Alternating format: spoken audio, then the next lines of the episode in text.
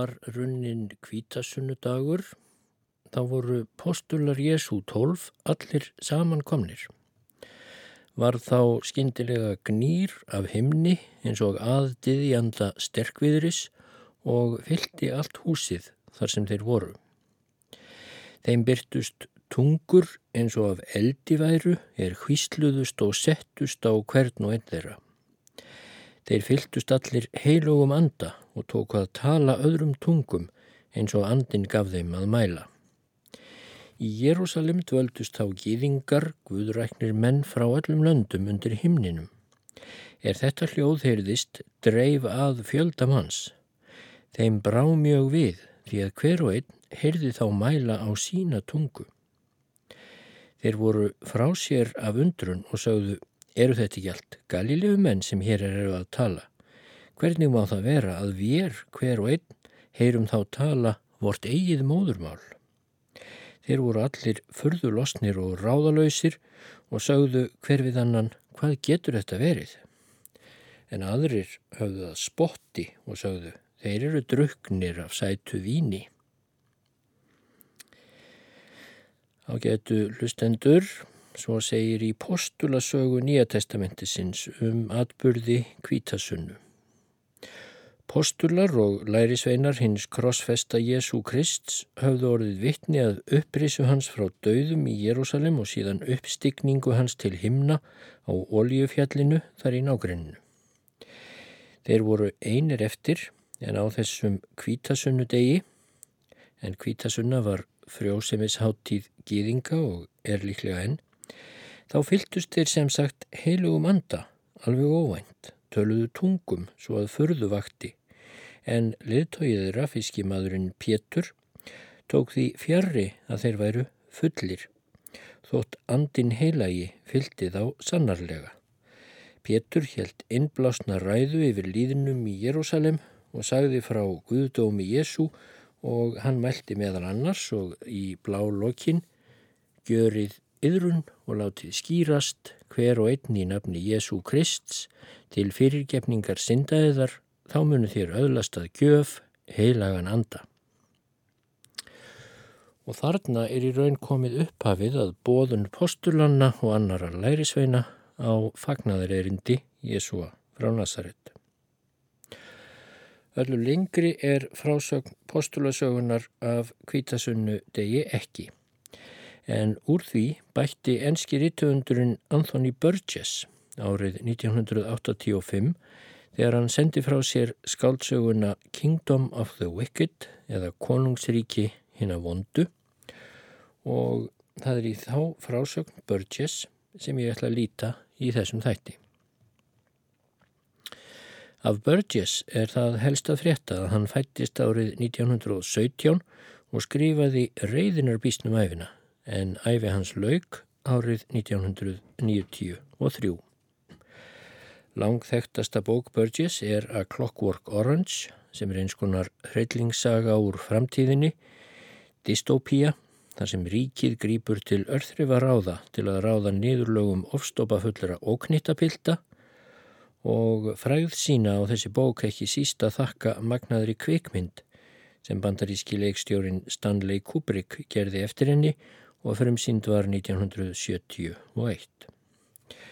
Af öðrum bókum Burgess þekkja líklega flestir stórverkið Earthly Powers sem er eiginlega saga 20. aldarinnar, sögð af samkynneigðum rittuhundi enskum, hann ferðast milli stórviðburða líkt og bæði Selík og Forrest Gump gerðu síðar.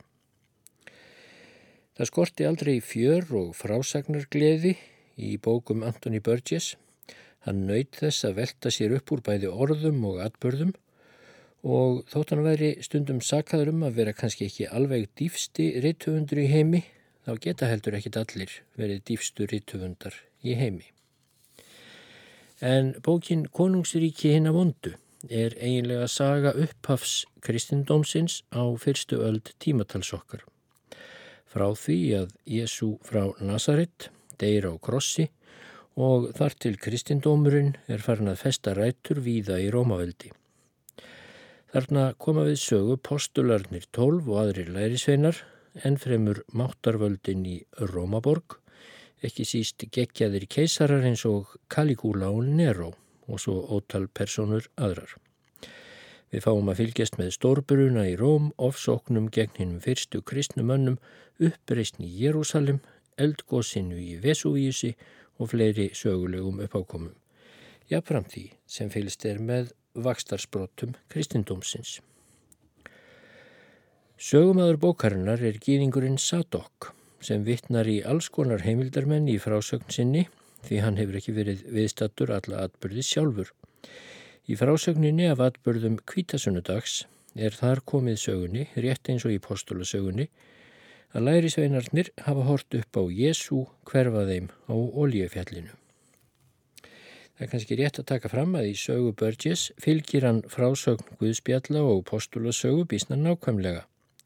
Hann hafði reyndar áður skrifað skáldsögu um æfi Jésu sem endaði á krossfestingunni Konungsríki hinn að vondu er í reynd framhald hennar. En allavega Burgess eða sögumenn hans þeir eru ekkert að efast neitt sérstaklega um kraftaverkin eða undrin sem æfinlega fylgja Jésu. Þótt lesandin fái stundum tækifæri til að mynda sér sjálfur skoðun á því hvað hafi gerst í raun og veru. En í Kongsríki hinn að vondu sem er nafn gýðinga í bókinni á Rómaveldi sem hefur ráðið Júteu og raunar Palestínu allri í hundrað ár tæp. Þá er sögumæðurinn Sadok sem segja búin að lýsa krossfestingu, uppreysu og uppstigningu Jésúa frá Nazaret og hann er líka búin að lýsa í allöngumáli erjum og deilum meðal gýðinga í Jérúsalem Þar eigast ekki síst við annars vegar ungur og strangur og fastheldin farisei að nafni Sál, rómverskur borgari frá Tarsus í Tyrklandi og svo hins vegar selótin Kaleb. Þeir tveir voru reyndar skólabræður í trúarbræðaskólanum. Kunningi Kalebs, gýðingurinn Stefán frá Greiklandi, kemur líka við sögu. Hann er ekki selóti en selótar kallast leinifélag ansbyrnumanna gegn Rómaveldi. Selótar vilja gripa til vopna gegn heimsveldinu, gera blóðuga uppreist, berjast til frelsis en að lokum er Kaleb handtekinn fyrir uppsteit við yfirvaldið og það er ljóst að hans býður ekkert annað en verða krossfestur. Móður hans og ungum sístrum til geipilegrar sorgar náttúrlega. En það er enga miskun að hafa frá Rómverjum. Pontius Pilatus, landstjóri, er enn í Jérúsalem eftir páskaháttíðina og atbyrði þá. Pilatus hefur aðsettur í Antoníuturninum í Gömluborginni og stýrir af mikilli hörku með hjálp næstráðanda síns sem heitir Quintilius. En það er endar mjög ílt á milli þeirra tvekja og Pilatus grunar Quintilius sífelt um græsku. Annars er Pílatus gramur vegna þess að aðstu prestar gýðinga í borginni nittu hann halvpartin til að láta krossfesta Jésúa frá Nazaret um páskana. Pílatus gæti ekki séð að Jésúa hefði neitt til sakaunnið og sér eftir því að hafa látið krossfestan. Ekki af miskunnsemi, því miskunnsemi á Pílatus ekki til, heldur á því að hann er súr yfir því að hafa látið blekkjast til að gera annað en það, það sem honum sjálfum fannst rétt. En þá dregur aftur til tíðinda og nú hefst frásögnin úr konungsriki hinn að vondu eftir Antoni Börges í minni eigin lauslegu þýðingu.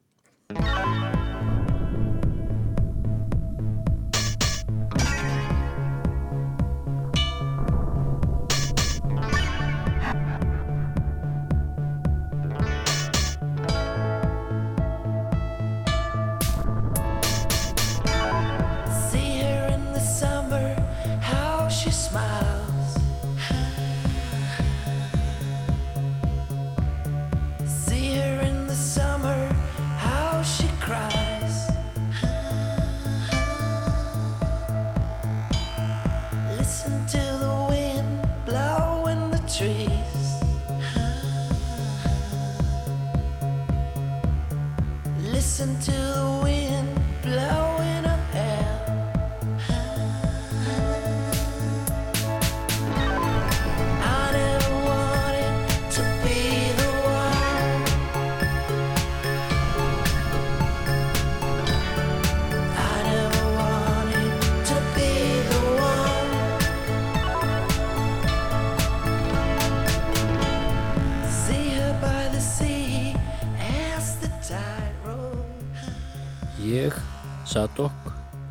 Ég á eins og margir aðrir erfitt með að gera mér grein fyrir þeim atbyrðum sem okkur er sagt að hafi átt sér stað sjötta dag sífan mánadar. Snemmað morgni voru lærisveinarnir samankomnir í herbergi því á efrihæðinni í húsi í Jérúsalem sem þeir höfðu til afnota. En með þeim var Marja, móður Jésúa, sem var að segja þeim sitt hvað frá æskudögum mannsins sem hafði horfið þeim í morgun mistrinu upp á oljufjalli. Nú ætlaði hópurinn að fara í musterið og fylgjast með helgiatöfn þeirri sem stóð fyrir dyrum og fólst í forn til Guðs í þakkarskyni fyrir fyrstu uppskeru ársins. Tómas var óstyrkur og þreyttur og satt við borð en allir í hinnir stóðu kringum Marju sem helt áfram frásögn sinni. Tómas fór að dotta. Hann var að klifur upp á þaka á húsinu, masaði Marja, og allt í einu hrundi stígin þegar hann var alveg að komast upp á þak. Hann datt og það virtist svo hættulegt fall. Hann var svo lítill þá og við heldum hann myndi minnstukosti farað há gráta. En svo virtist hann ekkert hafa meitt sig. Hann stóð upp og hló bara. Svo mundaðan litla nefan sinn í áttað steganum sem hafði hrunið undan honum. En svo var hann allt í einu farin að hugga stegan, fannst okkur, eins og stíin væri kettlingur sem hefði klóraðan alveg óvart og skildi ekki akkur var verið að skamman. Á þessari stundu rökk Tómas upp með hásu skjelvingarópi. Þau snýri sér að honum. Sáuð þetta ekki? sagðan eins og móður og másandi. Ég sá gen Guðs sem virtist þess albúið að gleipa mig og í geninu var tungan klófin og eldur stóð upp úr kokinu. Nú gerði Tómas sér grein fyrir því að hann hafði verið að dreyma. Æ, ég er með vond bræði í muninum, sagðan. Réttu mér vaskrúsina þarna, Jakob, eða einhver ykkar. Pétur sagði síðar að Tómas hefði spýtt út úr sér vatninu Því allt í einu fættist sterk vindkviða inn í herberginu en kom ekki að utan. Úti bærðist ekki hára á höfði, engin fáni byfaðist, ekki skrjáfaði í einu einasta laufi og engin köpl bylgjaðist. En þarna inni sáu þeir hárið hver á öðrum og skekkið feikjast til í vindkviðinni. Það söng í vindinum eins og heilum kór og hann varð sífælt sterkari uns hann neyttið á í einum hnapp út um dyrnar á herberginu á loftinu. Göturnar í gamla bæi Jérúsalem voru fullar af fólki, gýðingum sem fyrrum höfðu drefst um heiminn og voru komnir, þeir eða afkomendur þeirra, í pílagrimsferð til gamla landsins. Þarna voru parþar og metar og alamítar, fólk frá öðrum hérðum Palestínu og frá Kappadókíu í Littlu Asju og frá Pontus við Svartahafið og öllum mögulegum héruðum Asíu, frá Frikíu í miðjum fjöllunum, frá Pamfilíu við miðjarðarhafströndina, frá Egiptalandi, frá Eiríkinu Krít, frá Eidimörkum Arabíu og jafnvel bæði konur og karlar frá sjálfri Rómaborg. Allt gýðingar sem komnir voru til borgarinnar heilögu til að taka þátt í þeirri helgu aðtöfn þegar fyrsta byggið var slegið og bundið í knippi. Margt af þessu fólki varð vitni að því þegar þessir tólfmenningar komu blaðskjallandi með háfað og látum og flissandi niður timburtröppunar utan á húsinu og enþá fleiri sáu og heyrðu til þeirra á göttunum sem lágaði musterinu.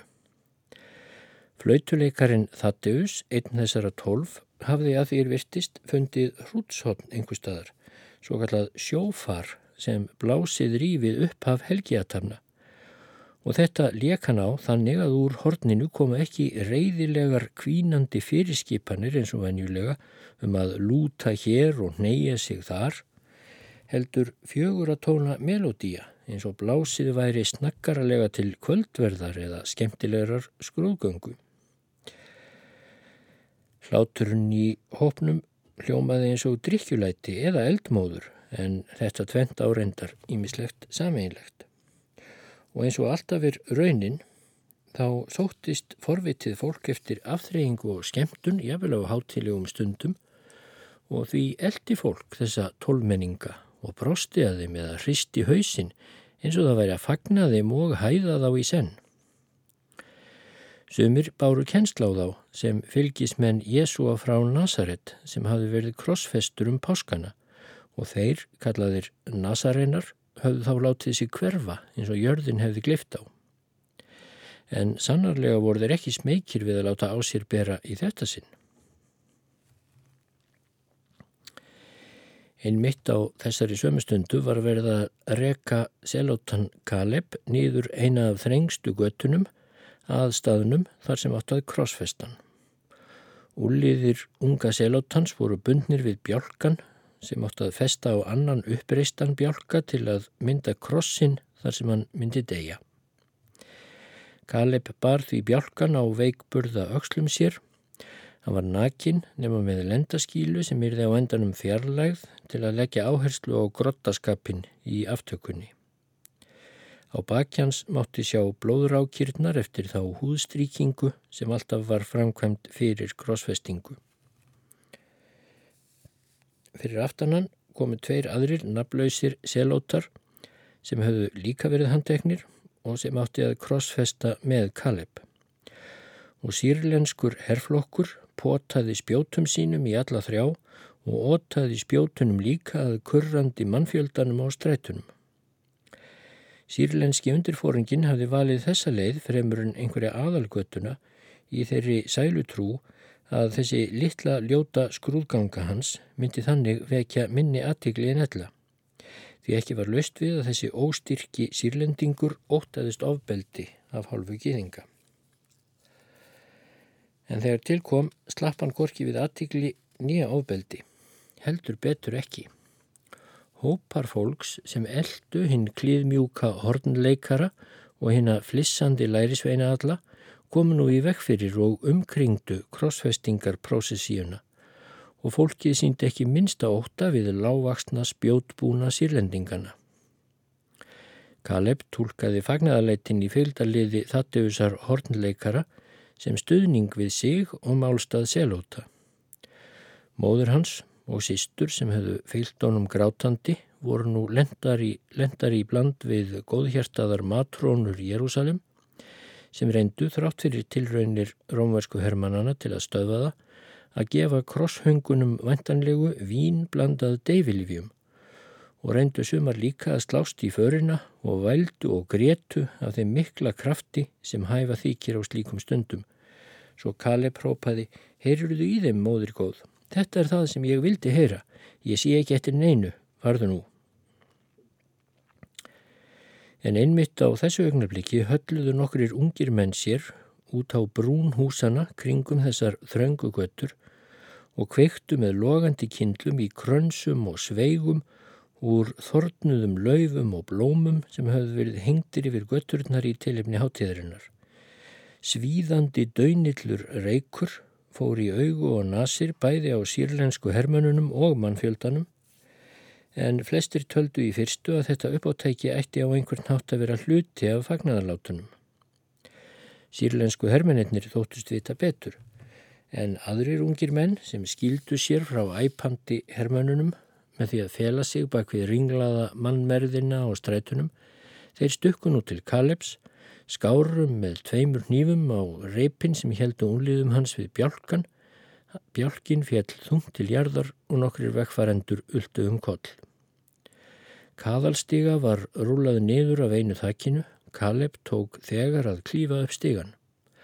Sýrlenski undirfóringin grenjaði óorlega og reyndað beita spjótinu en það var ekkert svigrum til að ná neinum krafti í spjótalög en það gripu tveir kornungir unglingar í spjótskaftið og letu skína í snjókvítar tennurnar.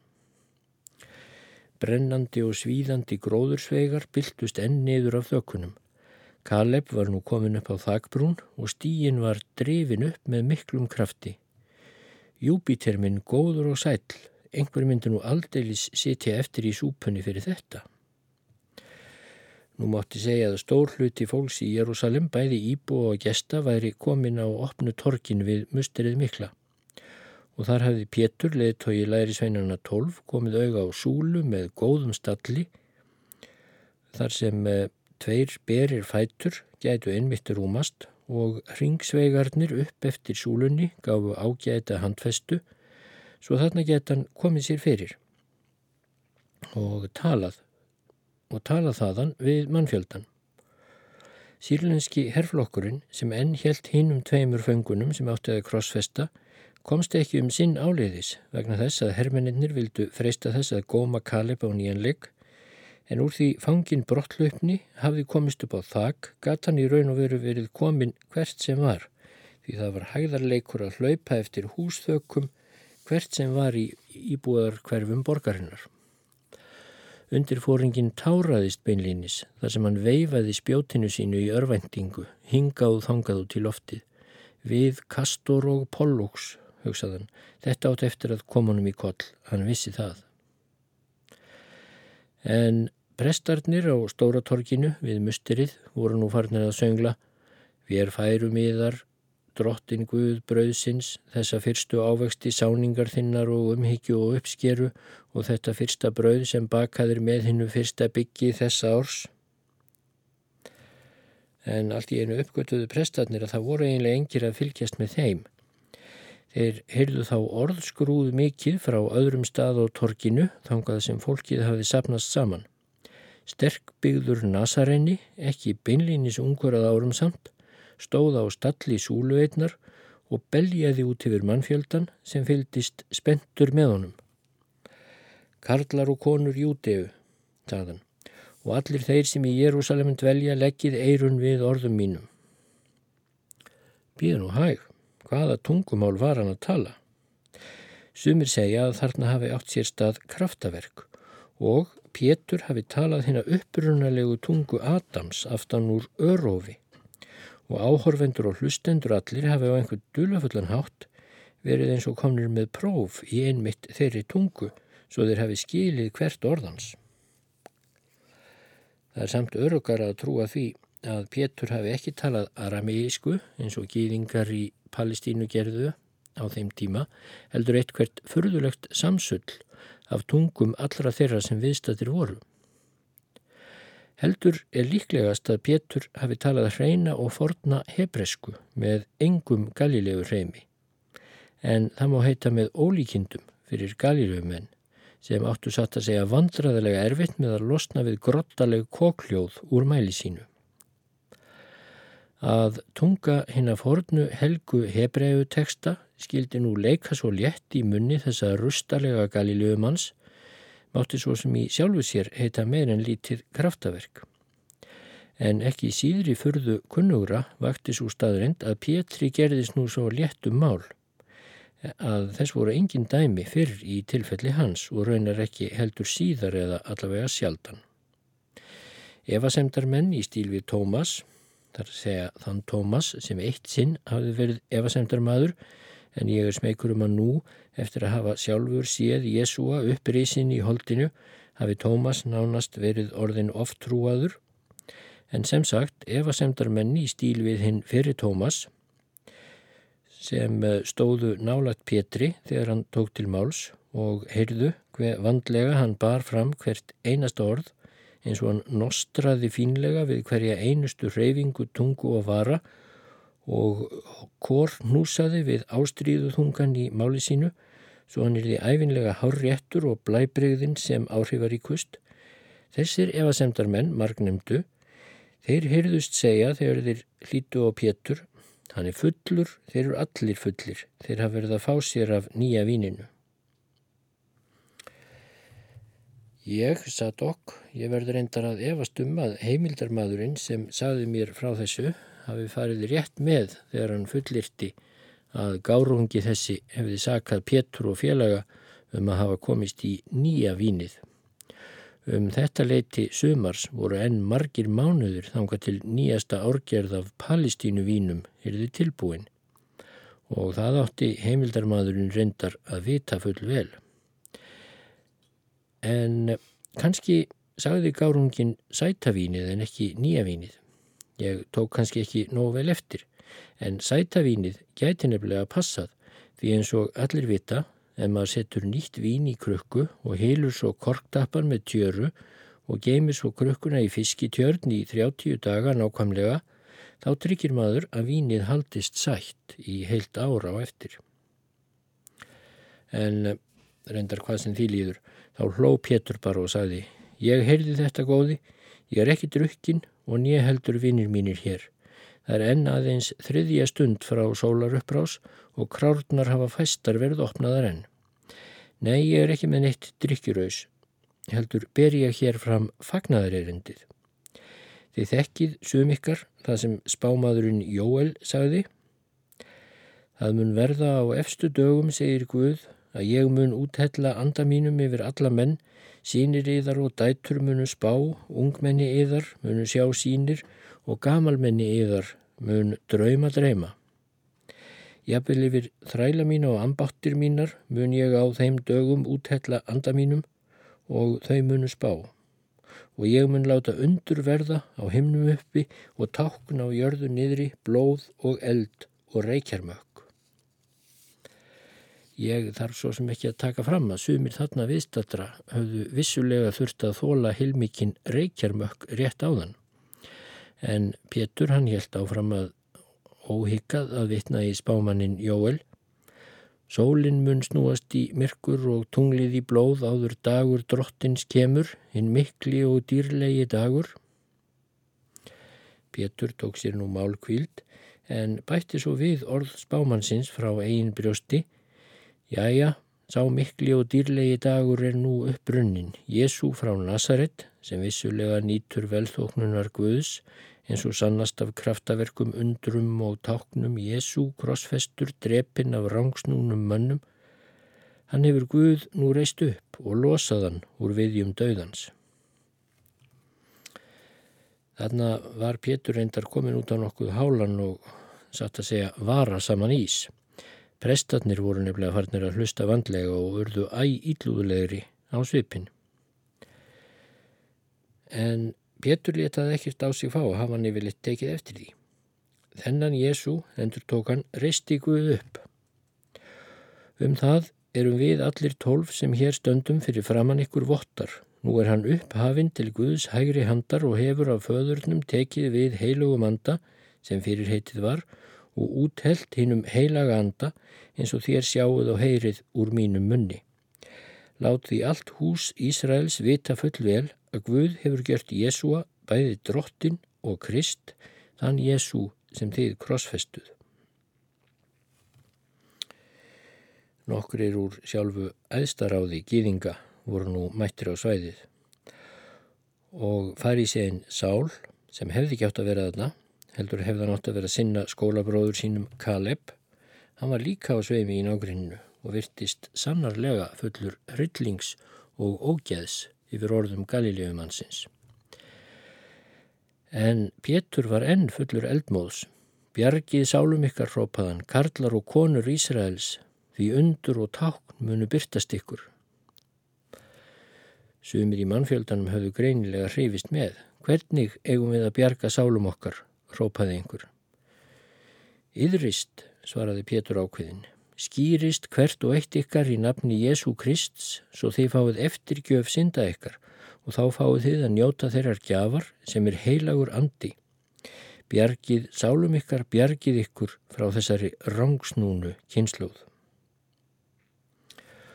Og nú kastaði Pétur aldeilis tólfunum því um leið og hann mælti orðin rangsnúna kynsluð þá bent hann aftast í mannfjöldan þar sem prestarnir stóðu, sem er þeirra röngluðu burt. Sál eldrauður af ofsa en þögull, hann varð auðvitað kyrr. Matteus, gamli skattheimtumadurinn, þraut þjálfaður í framkvæmdamálum og skipulagningu á hvenar ætti að borga hverjum hvað. Hann rópaði nú til mannfjöldans að skýritnir myndu hefjast strax í dögun næsta morgun á bökkum Ketrún árinnar í næsta nákrinni Jérúsalim. Hinn frelsaði Kaleb fylgdist með þessu ofan af húsþaki úr umtalsverðum fjarska. Hann sá bara mikinn mann fjölda sem einhver var að ávarpa af miklum eldmóði sem Kaleb fannst benda til selotisma því hann heyrði ekki orðin. En hann tók eftir því líka að í Antoníu turninum þar sem rómverski landstjórin og herrflokkar hans hafðu aðsettur, þar virtist ekki í gangi neitt sérstakur viðbúnaður til að sportna gegn þessum ræðuhöldum. Stefán sem sannarlega var engin selóti var að reynsa sár Kaleps með tuskum vættum í kvítvinni og smurði þau síðan með græðandi grasgrænum smyrslum. Með þeim upp á húsþækinu voru sex ungir menn sem vissulega voru selótar. Þeir byðu eftir viðbröðum rómverja en þau eruðu engin, nema óvenjulega grimmileg krossfesting þeirra tvekja fanga sem ekki höfðu sloppið á brott um leið og Kaleb. Þeir tveir höfðu ekki verið guðfræðistútentar. Stefán saði, Pítu kvölds, Kaleb, farðu síðan niður til Kumran við Dauðahafið, þú verður komið ángað í fyrramálið. Þar á ég vinn sem heitir Ananías, hann tekur þig að sér. Er hann einn af okkur, spurði Kaleb. Hann er engin selóti ef þú ert að spyrja því, svaraði Stefán. Hann er að reyna að komast í söpnuð Essena en hann er reyndar ekki alveg vissi í sinni sög. Essenarnir eru strángir og með skrítnar hugmyndir um ímislegt. En hvað svo sem segja má um þá, þá eru þeir allavega ansnúnir rómverjum. Reykjarmökkurinn og stíinn, spurði Kaleb, var þetta þín hugmynd? Það hefði reyndar ekki virkað nema út af mannfjöldanum sem hafði þau stað til að fylgjast með þessum skrítnu tólmenningum, saði Stefán aðeins. Það lítur út fyrir að nasaregarnir séu komnir úr felum. Þú ættir því að vera þakklátur Jésúa, leðtoga þeirra. En Kaleb hafði lítinn áhugaðu sem Jésúa, hann neiklaði brúnir. Þú ert ekki einn af okkur, samt skipulaður þú björgun mína, nú ert þú sjálfur í hættu. Förum saman þarna niður að dauðahafinu. Nei, saði Stefán, ég hjálpaði þér að því að þú ert vinnur minn ekki út af neinu öðru. Ég er á því að selótarnir hafi ramt fyrir sér eða noti allavega rangar aðferðir. Þið munuð ekki sigra.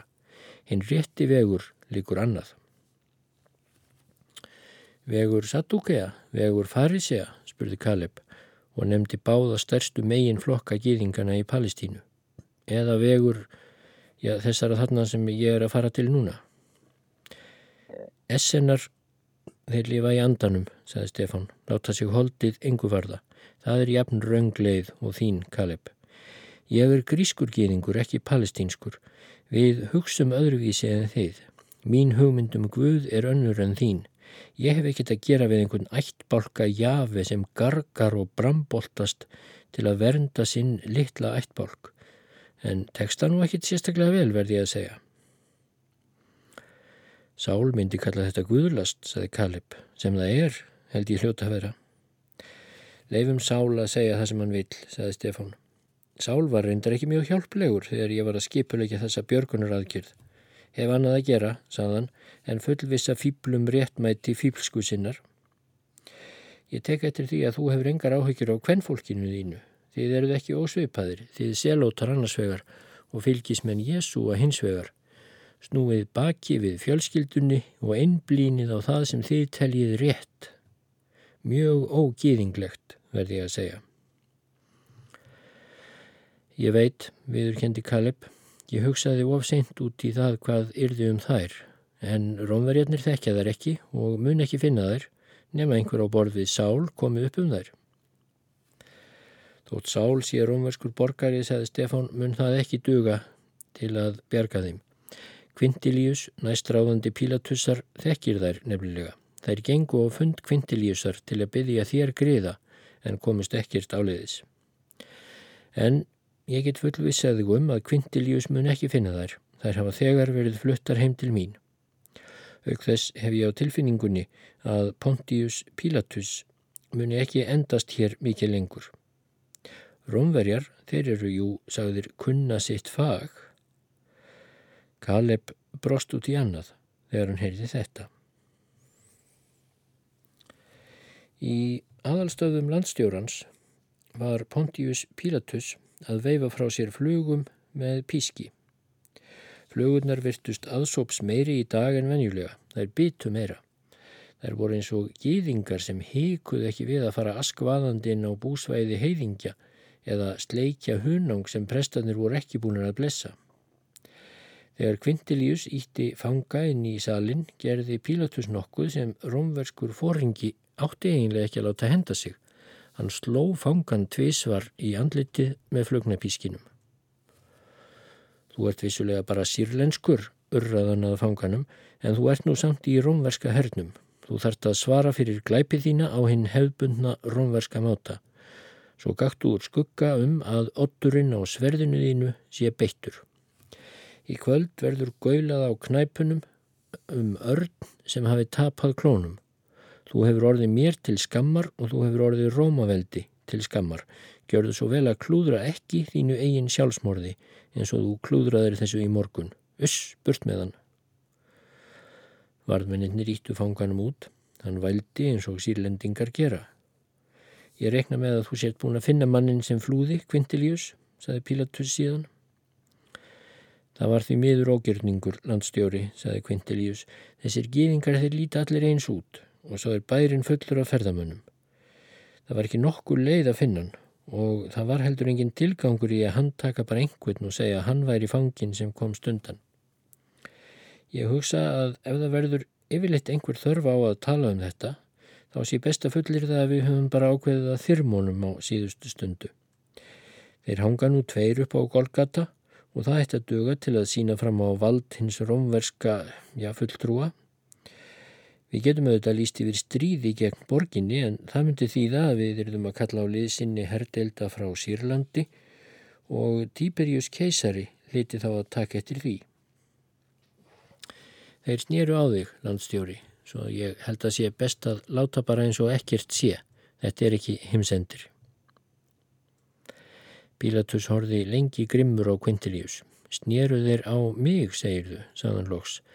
Ég bað þig að sjá um þetta allt saman. Já, herra, vissulega, sagði Quintilius, en ég er samt bara sá sem tekur við skipunum. Mér þykir þú býræfin, sagði Pílatus. Quintilius yfti bara aukslum og ansaði engu.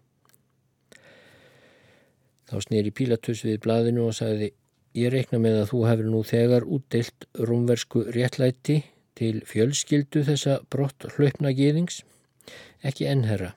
Móðir og tvær sístur, það var hans fjölskylda. Stúlkurnar eru ungar og væntanlega enn óspjallaðar. Þú veist að rómversku lög leif okkur ekki að taka af lífi óspjallaðar megar. Nú láttu þá spjallaðar, sagði Pílatus gramur og svo þræðaður upp á sverð. Svona, gaktu í málið, eftir hverjast að býða. Nei, herðanars, láttu frekar húðstrykja stelpunar þanga til þær eru að dauða komnar en settu þær síðan um borði bát til keisarans. Hinn lostafulli keisari vor vil kannski svo litið gíðingahold í það sem hann kallar sína ástaleiki. Verðum við, spurði Quintilius, að gera uppskátt um uh, þessa, já, þessa óheppilegu auðmíkingu. Þarf keisarin eitthvað að frétta af þessu? Þeir horfðust í augu. Ég held Quintilius, sagði Pilatus, að engin í Róm muni láta þetta sig neinu varða. Algjört smáatriði, svona gerist, það er ekkit floknara. En á hinbógin þá gæti verið að þú væri nú þegar að undirbúa skýrsluðina til keisarastjórnarinnar með tillugu um að réttast væri að skipta um landstjóra í Júteu. Ég myndi aldrei láta mér til hugar komast líka ótrú mennsku, sagði Quintilius. Það sjálfsögði ekki Quintilius, mælti Pontius Pilatus, en það móttu vita Quintilius að ef ég fell, þá fellur þú með mér, mundu það, og farðu nú og haldu áfram að útdeila rómversku réttlæti. Quintilius rétti úr sér, heilsaði nánast háðslega og gekk síðan hægt burt eins og hann væri við jarðarför.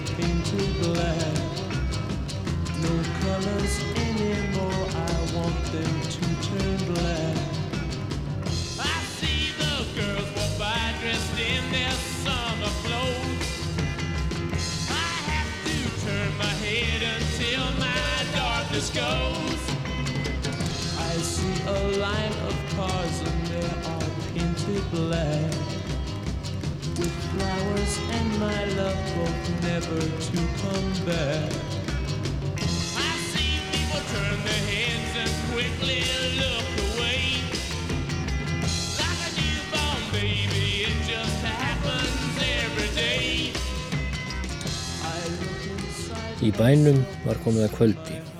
Það var ofenju heitt með við árstíma. Knæpurnar voru fullar en fáir voru samt handteknir. Lærisveinarnir tólf heldu kyrru fyrir upp í herbergi sínu á gistiheimilinu og letu lítið á sér kræla.